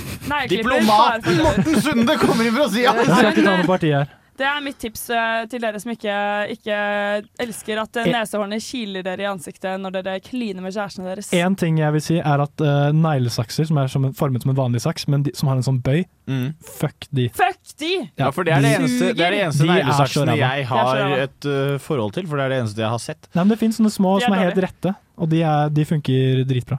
De funker bedre, men fortsatt ikke like bra som negleklipper. Men Oksana, har du et uh, julegavetips? Ja, jeg har faktisk noe kjempemorsomt. Det her syns jeg alle burde kjøpe til alle. holdt jeg på å si. Det er noe de selger på Teknikkmagasinet som heter Lite Adidas uh, gavesett. Som noen så på det. Aha! Nei. Eller det kan gå innom mammas apotek, da, så kan dere få litt rabatt. Hvis jeg sier at dere er snille. Faktisk, Det er litt tack. Men eh, nei, men på Så det kan ikke du, Sondre. Ikke Nei. noe rabatt på deg. eh, Nei, mamma kommer nok til å bli litt skremt. Eh, nei da. Jo, uansett, på Teknikkmagasinet så er det noe som de selger som heter Clone Willy. Så er en, du kan lage en støpelse av din egen penis. Som er veldig, veldig gøy. Og du kan kjøpe den i mange farger, liksom. Du kan Shit. nesten ha på hele regnbuen. Så hvis du har liksom en person du er sånn ekstra glad i og har liksom lyst til å på en måte kjemme de litt bort, da. Så kan du bare støpe den og gi den så godt, for den den vibrerer også. Å, herregud! Det Ja, er helt, det er helt får de det til? Jeg elsker den bruken, er elsker den bruken av å skjemme noen bort. Sånn, Treat yourself. Eller, du er eller, så bortskjemt, du. eller, hvis man, eller, eller hvis man har en partner, og så er man sånn eh, Hvis man er kontrollerende, og så er man sånn Du kan få lov å ha en dildo, men må se nøyaktig ut som min penis. Ja, men ikke sant, det er skikkelig sånn, Sånn at for, den ikke blir større. Ja, men for narsissister der ute som blir sjalu på liksom vibrator og alle de greiene som man kan kjøpe i dag, så kan du bare lage din egen. For Mm. den har sånn bitte liten vibrator som man kan stikke på toppen når den stivner. Så kan du skru den på, og så rister liksom den dildoen. det hadde vært, tenk, tenk å ha den featuren på vanlige folk. Da. At du kunne liksom Når du stivna, så kunne du begynne å vibrere Ja, også. det. Fy faen, Du det er det, det er mulig. Du kan, du kjøpe, man kan kjøpe en penisring, og den vibrerer. Hvor, øh, Her får vi så mange bra tips. Det er jævlig sykt å bli sjalu på en vibrator, det må jeg bare si. Ja, ja, jeg, er for, jeg forstår det så godt. Hæ? Y'all can never match up to a vibrator. I'm sorry. Nei, men oh, jeg, jeg sorry. liksom jeg har, jeg har slått meg litt til ro jeg med det. At det er sånn Jeg Ah, ja. Ja, ikke sant? Kan, kan ikke slå det. Teknologien vinner. Det er litt sånn, det er jeg, kan, sånn jeg kan ikke regne fortere enn en kalkulator heller. Sånn, Nei, det går bra. jeg kan ikke, jeg kan ikke gjøre statistiske analyser raskere enn SPSS. Nei, faen meg sant Nei, dere er der bare for kos. Ja. Ja. Det, jeg, jeg bidrar med så mye Vi, vi bidrar med så mye annet! Ja. godt humør, for eksempel! Ja, hvil- hvilken dag var det i dag igjen, Sondre? Nei, vi går ikke tilbake til det. Det var den eh, internasjonale dagen mot vold mot kvinner. Er sant. Det var... Mm, Jeg har lært meg det nå. Jeg bare sa feil i stad. Hva med deg, Bård? Har du noen tips og triks? Eh, jeg har en kontroversiell mening. Oi. Eh, jeg gir ikke julegaver. Det er kontroversielt. Men han Bro, det er, Bård bare er sånn Jeg gir ingenting, men jeg skal bare få. Men nei, nei, vet du hva, nå skal jeg være Bård sin eh, heia cheerleader. Han har jo ikke fått komme med argumentet sitt ennå. Nei, det har han ikke. uh, jeg, jeg, jeg har argument for han. Ja. jeg, jeg prøver heller bare å gi ting utover året. Gjøre hyggelige ting med ja. folk. Det er det han Spandere gjør. ting på dem. Sånne ting. Ja, Han men det er kjøpte et spill til meg. Sånn helt, bare var sånn, vær så god, så er jeg nei, nei, nei. Fordi jeg, jeg blir sånn, herregud, man kan ikke bruke penger på meg, liksom. Og så var det sånn, det er fordi jeg har lyst, Oksana. Her har du koden. Det er faktisk en god idé. Da. Oi, Eller sånn, da, når du gir en gave, og det ikke er jul, og du forventer ikke en gave Det må- betyr så betyr så, sykt mye Ja. mer. Så det er ganske At det det ikke er en sånn smart strategi. gave. Ja, Særlig også for meg, for jeg kommer aldri inn i julestemning. Så bare få ting litt sånn utover året har vært det er fantastisk. Jeg lærer så Kanskje- mye om deg, ass. Du, Kanskje- liker ikke ju du har aldri smakt julebrus, og du har aldri fått julestemning. Du liker ikke salte stenger. Det er så merkelig komplekst Her liker du ikke saltstenger. Nei, fy faen, altså, den konsistensen på den dritten der. Fytti helvete, for noe drit. Du er ikke engang nøytral til saltstenger? Nei, jeg syns det er helt jævlig. Oi, Ja, det synes jeg er herregud. for det. Min, eh, min posisjon er også definitivt nøytralitet. Jeg er kjempenøytral. Ja, jeg spiser det hvis det er på bordet, men jeg hadde aldri kjøpt det. Nei. Jeg, Nei. elsker, altså, jeg liker ikke de, men de der goldfish, det elsker jeg, liksom. Ja, Det er akkurat samme smak på helt de. OK, det òg. Syns er Fun fact om de goldfishene. Den pizzabunnen som man får kjøtt ferdig fra uh, Peppes, den smaker veldig goldfish. Ja, fy fader. Ja, er Jeg du spiste, enig? det er så jævlig sant. Jeg spiste sånn der ferdigpizza i går. Det syns jeg er så utrolig kjipt når man ikke lager grotesk. bunnen selv. For det er, ja, det er eh, salt eh, Det er goldfish, rett og slett. Det er Det er helt Spiste. Grandis i går. Jeg syns det var deilig i magen. Ja, men det er bedre. Det er deilig i magen! Har du noen tips? Uh, mitt tips uh, er jævlig enkelt. Det er sokker. Sokker er en Å, det er faktisk uh, enormt undervurdert julegave. Ny sokkepark. Mm, fy fader, altså. Mm. Dunke inn 15 par med nye sorte sokker. Yes, Fytt i helvete. Det er deilig i klesskåpet. Ja, det er sant, det. Vi skal uh, høre på en låt. Vi skal høre 'Spiller ingen rolle' av Kristi Brud. Jeg blir litt paff når til og med puppene er kjøpt på kreditt. Nesten helgs sparetips. Ja, de kaller meg for denne redaksjonens skrue Mac-cook. eh, fordi jeg er så god til å spare penger. Jeg liker å kalle deg Panteren, jeg. Panteren, ja. Ja. De kaller meg for den rosa, faktisk. Ja. Rosa Panteren. Jeg, jeg humrer fortsatt i skjegget av uh, Skrue McCook. Jeg. Ja, jeg Jeg, jeg, klarte å være, jeg prøvde å være, men det Ja, gikk ikke. det er, det er artig òg. Det er artig. Eh, men i dag så vil jeg kaste stafettpinnen over til Oksana, for du sa at du hadde et sparetips. Jeg så noe helt sykt på eh, Instagram. Jeg så en fyr som ble intervjuet av en eller annen person, og han kom med sitt beste sparetips, og dette er da stjålet, men hans sparetips er å dra på ferier eh, når det nettopp har vært et terrorangrep i det landet. Fordi da er prisene så lave, og sikkerheten er så høy, at det er så trygt. Likevel. Herregud, det er et sykt er sparetips, men det gir mening. Ja, ja, Ja, men han fortalte, han fortalte liksom at eh, liksom, når det der greiene hadde skjedd i Marokko for en stund tilbake, så hadde han liksom bestilt seg billett i Marokko med en gang. Og han var sånn Det var så mye sikkerhet der. Det var militær, det var politi, det var kjempetrygt. Og det koster ingenting. Og alle turisttingene man kan gjøre, også koster ingenting, fordi at det er jo ingen turister her uansett. Herregud. Men hva om du blir liksom anholdt og anklaget for å være terrorist? Fordi du drar dit? Eh, Det tror jeg, det det tror jeg tviler er jeg veldig på. stretch, altså. Å bli uh, anklaget for å være terrorist bare fordi du har dratt ned på ferie. Nei, men Fordi altså, han var det- type sånn skalla brite. Men altså, type, de, de er jo mer mistenksomme, så når eksempel Sondre drar til Marokko rett etter terrorangrep, så tenker de bare at han der, han der må være terrorist. Nei, det tenker de ikke. De tenker, Nei, hvorfor, fordi- hvorfor snakker han om de tidligere Ajax-spillerne Nusair Masroui og Hakim Sier hele tiden? det er to spillere som har spilt for Ajax, som eh, heter Nusair Masroui og Hakim Sier, som spiller for Marokkos eh, landslag nå i VM. Uh, og jeg elsker dem begge to! Jeg altså- elsker sier Ja, fy fader, ass. Hakim, han må komme tilbake til Ajax i januar. Det er jo en eh, klar eh, downside likevel, da, og det er jo at det sikkert tar jævlig lang tid i sikkerhetskontrollen.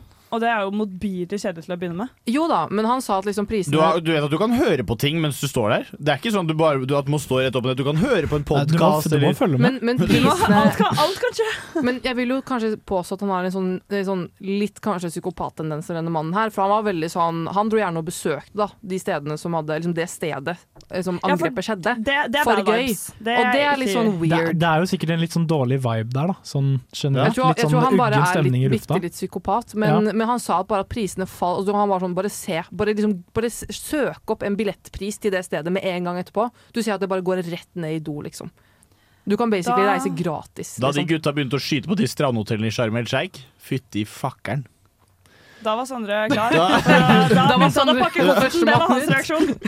Da er jeg sånn, fy faen, nå skal jeg se pyramidene! Jeg skal se den der jævla løven som driver og henger og slenger på den steinen. Jeg skal Fy faen, Det er toxic. Ja. Jeg har, øh, jeg har også med meg et sparetips i dag. Ja, det, var, det har du vel. Uh, og dette sparetipset er veldig enkelt. Uh, jeg uh, har ikke brukt dette selv. Eh, eller jeg har ikke fått bruk for det. Men det kan skje. Eh, hvis, fordi i Norge i dag så er det sånn at man kan ta bussen. Det er sant. Kan man ta forskjellige steder. Man kan også kjøre bil, men det er litt dyrere. Eh, bussen er litt mer inconvenient, men det er litt billigere. Ganske mye bedre. Mm. Plutselig kanskje gratis. Fordi hvis du setter deg inn på bussen uten billett, og så bare sitter du der inne eh, og så kan Det er ikke alltid det er kontroll. Da kan du ta bussen opp og ned til skolen og hele regla. Og så er det helt, helt som om du skulle vært i Luxembourg, helt gratis. Men, men så du vet om det er noe lignende for taxi også? Fordi det hadde vært enda bedre om jeg kunne reist i taxi gratis. Nei, men for at Med taxien så har liksom, da, da bygger man en personlig liksom, kontakt med han karen som er der. Eh, og, og, Du Man får ser, dårlig du ser liksom Ja. enkeltperson det går utover. Det er Og ikke så, er det liksom, så kommer han og er sånn Jeg skal hente barna mine på, i barnehagen etterpå. Og så blir det litt sånn Jeg må betale han fyren her. så For småbarnsforeldre har det, det går dårlig om dagen. Ja. Eh, men så er det sånn at plutselig så kommer det inn en vekter eller to eller tre, kanskje fire. Hva gjør du da? Hva gjør du da? Det er helt riktig. Eh, jeg er så heldig at jeg kan et fremmedspråk som ikke så veldig mange kan. Eh, eventuelt så kan du bare nekte å oppgi personalet, for det kan man faktisk nekte å gjøre når vekterne kommer på. Eh, det er kun til politi man har plikt til å oppgi personalet. Kan de holde deg igjen da, til politiet kommer? Det De kan ringe. de. De kan, De eh, har ikke lov til å fysisk holde deg igjen, nei, men mm. de har lov til å Mentalt ringe politiet og vente. Ja, men hvis du klarer å beine unna, så er du fri, spør du meg. Så kleint. kleint, ja. Ja. Ja, men du må komme over den der, den der lille, den lille grensa der. Men, men fordi jeg har sett noen av de, og nå skal ikke jeg si noe om de uh, vekterne, men gammal kar på 135 kilo som er uh, skalla og sånn. Jeg, jeg beiner fra han lett, altså. Men med noen de, av de er litt store og skumlete og mante menn. Altså, jeg syns det kan være litt, uh, ja, men de kan, ikke, de kan ikke holde deg igjen. Nei, men det er fortsatt altså, fordi Det som er, er at sånn Det er jo ganske sjelden kontroll i Trondheim, så teknisk sett, tror jeg, i teorien, så ville jeg spart mer på å ta den boten når den kommer, enn å betale billett hver måned, fordi månedsbilletten i Trondheim er helt latterlig dyr. Men jeg betaler meg ut av den potensielle sosiale flausen, for jeg syns det er så jævlig pinlig å bli tatt i kontroll. I hate Mm. it. Ja, jeg sitter der dritstressa hele bussturen hvis ikke jeg har billett. Ja. liksom. Jeg Jeg- bare jeg hatt ikke. så høyt Men bus, kolesterol, busskontrollørene i Trondheim de er på samme sted hver gang. Jeg har, jeg har skjønt rutinene deres nå. For sånn som I Oslo så er det jo liksom litt overalt liksom hele tiden. Mens der, altså her i Trondheim så er det samme gjeng, akkurat samme vektere. De går alltid på 13-bussen på Strindheim. Men de har vært på tolveren nå. De har Ok, vært mange steder. Men jeg har møtt Mm. i hvert fall kontroll. Jeg har sikkert møtt kontroll sånn fire-fem ganger bare de siste to månedene. Oi! Og det er alltid på Strindheim, alltid på 13-bussen på vei til Østmarka. Så ikke ta den. Nei, ikke ta den. Ikke, Kjipt ikke reis å til ramme. Østmarka. Jo, reis til Østmarka. Altså, At det skal ramme de som må dra til Østmarka, det syns jeg er Ja, eh, men det er kjipt. så fucka. Jeg har faktisk vurdert å spørre de sånn Hvorfor er det liksom på den bussen som kommer liksom til et ganske kjipt stopp? Mm. Ja, fy faen. Det er sånn Hei, jeg er på vei, jeg er på vei til innleggelse, men han fikk bot.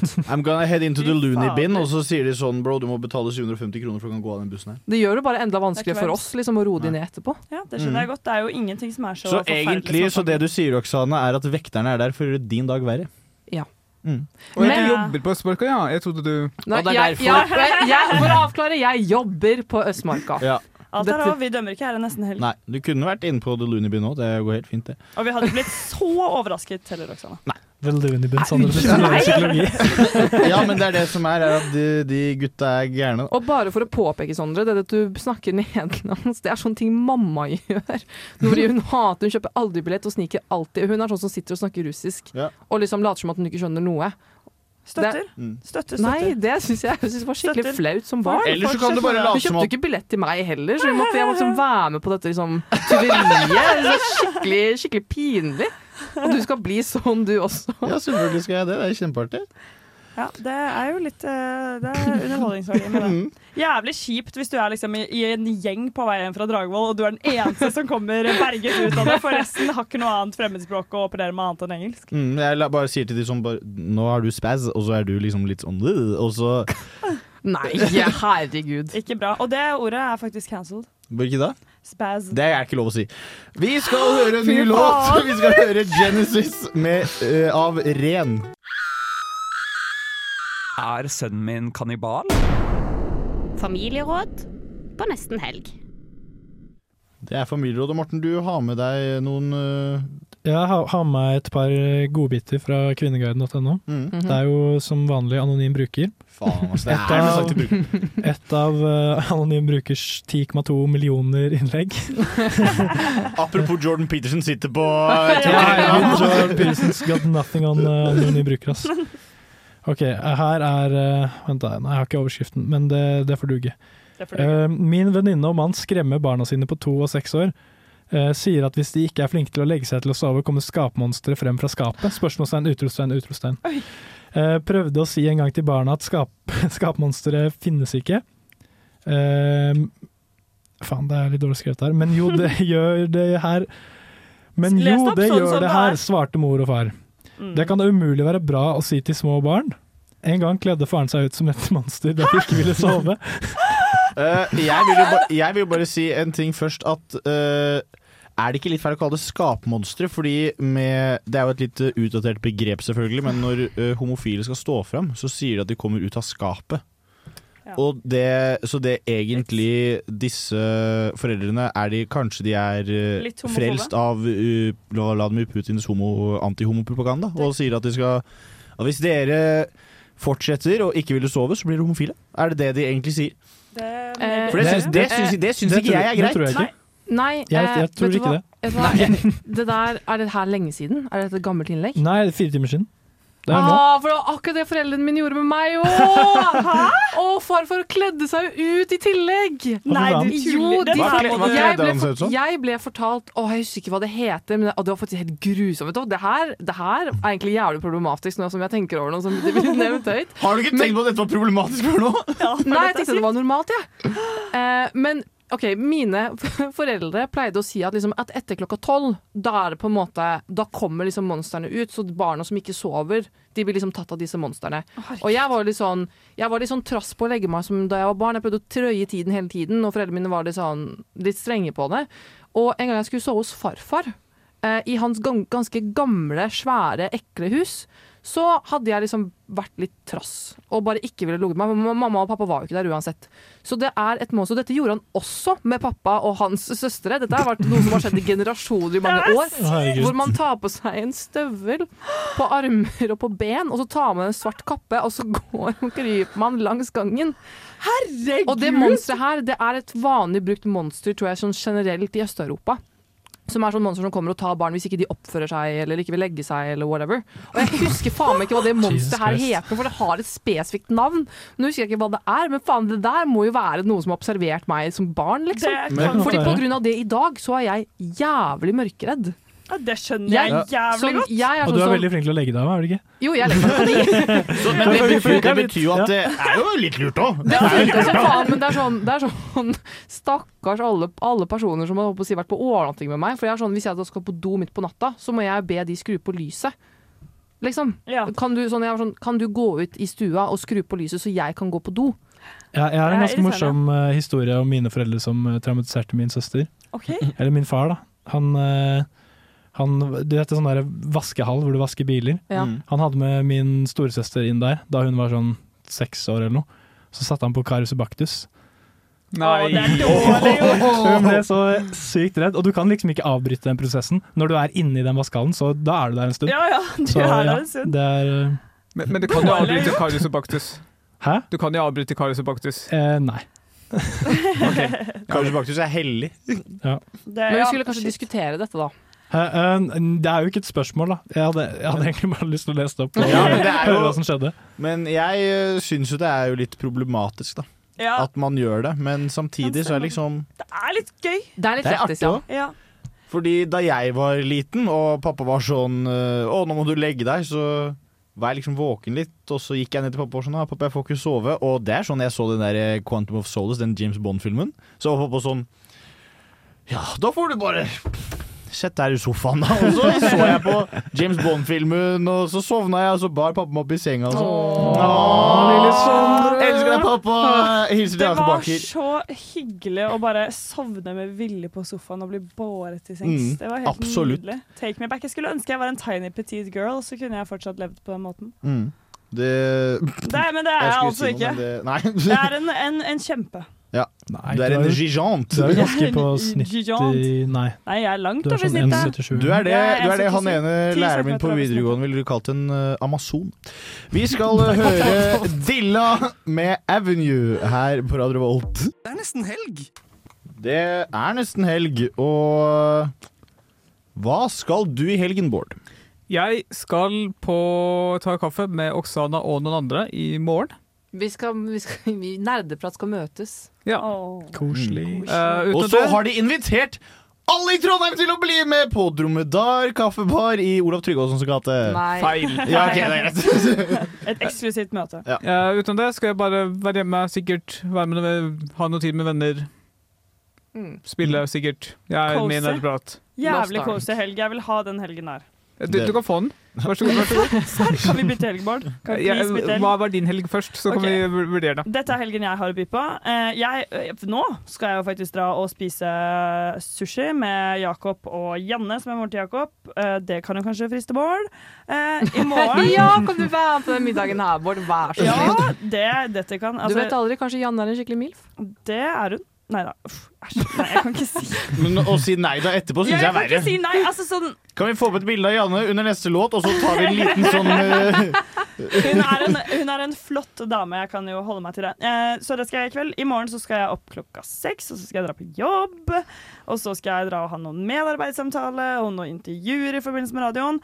Og så skal jeg jobbe på søndag òg. Og så skal jeg jobbe litt mer i min andre jobb eh, med min elev. Og Tror det blir no deal for Bård der, altså.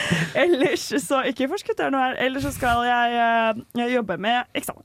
Hva Eh, tenker du, Bård? vi kan bytte i dag, kanskje, men ikke resten av helgen. Ja, fordi i dag er teknisk sett ikke helg, så jeg tenkte mest på lørdag og søndag. Altså. Ja, men jeg, nei. Okay. Beklager. Jeg beklager. Ja. Er, er ikke fredag helg? Hva mener du? Jo, fredag er helg, vet du. Ja, men ja, Det heter det ikke er nesten, helg. nesten helg i morgen, heter det ikke. Det heter nesten helg i dag, fordi i dag er det nesten helg, i morgen er det helg. Det er derfor det heter Helgen nesten helg. begynner eh, litt før 18.00, vet du. Ja. I wish it was like so. Oksana, hva, hva er det Eh, du skal bedrive denne helga Jeg skal bedrive veldig, veldig morsomme ting. Jeg skal spise middag med noen venner. Vi skal spise ramen. Oh. Og så skal vi se fotballkamp Hvor da? Hvor er det rammen? Hjemme. hjemme hos ja. dem. ja. Vi hjemmelaget ramen. Eh, og se på USA versus England. Heier på ingen av de. Jeg hater begge to. Eh, så jeg skal bare være med. Fordi jeg, jeg liker Ja, men fuck de begge to. Eh, og i morgen skal jeg i bursdag. Eh, og jeg skal møte nerdeprat. Og på søndag så skal jeg spille. Fordi jeg har fått et nytt spill av Bård. Så jeg skal bare spille masse, egentlig, og slappe av. Og jeg har endelig en frihelg, for jeg er sånn person som jobber hele tiden og liker det, men hater det, og klager bare over det. Men skal jo liksom drive med det resten av livet, og alle hater å høre meg klage. Men jeg bryr meg ikke. Dere, dere må bare være med i min struggle. We love it. Ja. Så jeg skal ha en ganske koselig helg. Hva med deg, Morten? Skal du ha en koselig helg, eller? Eh, Jeg skal ha en veldig koselig helg. I morgen skal jeg på en sånn brettspillkveld slash juleverksted. Så det Herregud, kommer til å bli skikkelig koselig. Ja, jeg gleder meg veldig. Hva skal du spille? Det vet jeg ikke ennå. Og kan du lage oss noe juleting? Kan vi få gaver? Ja, kanskje jeg skal lage noe Kan du lage meg en sånn, sånn ball sånn man henger på treet? Julekule? Ja. sånn kule som man henger på treet i forbindelse med jul. Hva heter det igjen? Eh, Eh, høytidsball uh. Eh, utover det um, Jeg skal kanskje stikke gjennom Jeg har jo en leilighet som jeg ikke har besøkt ennå, som jeg har hatt siden 12. november. Eh, så kanskje jeg skal stikke gjennom den. Ok. Jeg, jeg bor hos noen venner og trives veldig godt der. Trives litt for godt Trives der. litt for godt der. Morten, Eh, Morten er som uh, karakteren Alan Harper fra Two and a Half Men, som bare blir på sofaen til broren sin. Jeg er litt uh, Alan Harper, ja. Altså, jeg, jeg skal selvfølgelig lese litt i eksamen og alt det der, men uh, ja. Så det, det er min helg. Hva med deg, Sondre? Eh, nei, jeg skal hjem nå, og så skal jeg lage meg noe taco, fordi jeg syns jeg er dritdeilig i magen. Hva har du i tacoen? Eh, kjøtt og ost. Uh, når jeg lager Nei, helt seriøst? ja, men når jeg lager det helt aleine for meg sjæl, og ikke har noen andre der Fy faen, altså, kjøtt og ost, beste taco. Det er. Liver King-vibes, Sondre. Kjøtt og ost på taco. Det er- er det? Det, det er Liver King-vibes. Altså, vi, vi, vi, vi ses på gastroavdelingen om ti år, liksom. Ja, men den Vet du hva Liver King er? Nei, hva er Liver King? Ja, hva faen er Liver King Det er en sånn fyr som er veldig stor på TikTok, som spiser rå lever. Han, han, han er sånn meat carnivore Han er sånn raw carnivore di- diettmann som spiser bare rått kjøtt. Han, han skal, ba, han skal bare, bare gjøre ting. Han skal bare gjøre ting som er primal. Bro, svinekjøtt er den billigste Ah. kjøttdeigen. Så han, han dusjer ikke, han uh, går bare rundt uh, i bare Men det er jo sparefett. ikke og uten- primal å spise prosessert kjøttdeig, hvis det er det han gjør. Han er jo jævlig idiot, da. Så. Ja, han er jo viral fordi han gjør dumme ting. Ja. Mm. Hva mer skal du, Sondre? Eh, og så skal jeg lage meg tacoen, og så skal jeg skru på eh, TV2 Play-appen min på TV-en min, og så skal jeg se på Nederland-Ecuador. I, i, selv om det nå har jo, er jo førsteomgangen over, men jeg har holdt meg unna resultatet til nå. Uh, ser du da på den i raskere tempo eller i vanlig tempo? Eller kanskje i saktere tempo? Jeg ser på den i helt normalt tempo. Ja. Mm. Uh, og så skal jeg resten av helga, så kommer en venninne fra København, så vi skal gå tur, og så skal vi på vors. Eh, ikke bare oss to. Eh, flere folk. Eh, men litt vors fordi hun er i byen, da. Ellers så skal jeg bare jobbe med eksamen. Så jeg skal på vorset, og så skal jeg hjem eh, og jobbe med eksamen etterpå. Ja. Mm. Det, er ikke, det er ikke et deilig liv, men det er det livet vi lever. Det er fort det livet vi lever, altså, men det er jo det, er jo det helga blir, da. Det er jo det. Men Vi- nå bør vi kanskje Vi bør høre en ny låt, ja. Vi skal høre 'Lonely' av Echo Tapes. Det heidundrende semester. Det er litt sånn vanskelig å si om det blir noen flere sendinger eller ikke. Altså, I utgangspunktet er det produsert, men det kan jo hende vi vil slå på stortromma. Men jeg vet også, vi går inn i en meget travel periode, Mm. hvor det plutselig er litt greit å ha de fire timene til rådighet på fredager. Ja. Ja. Så derfor sier vi en, eh, en eh, en, Riktig en riktig eh, god jul og god jul og God god helg!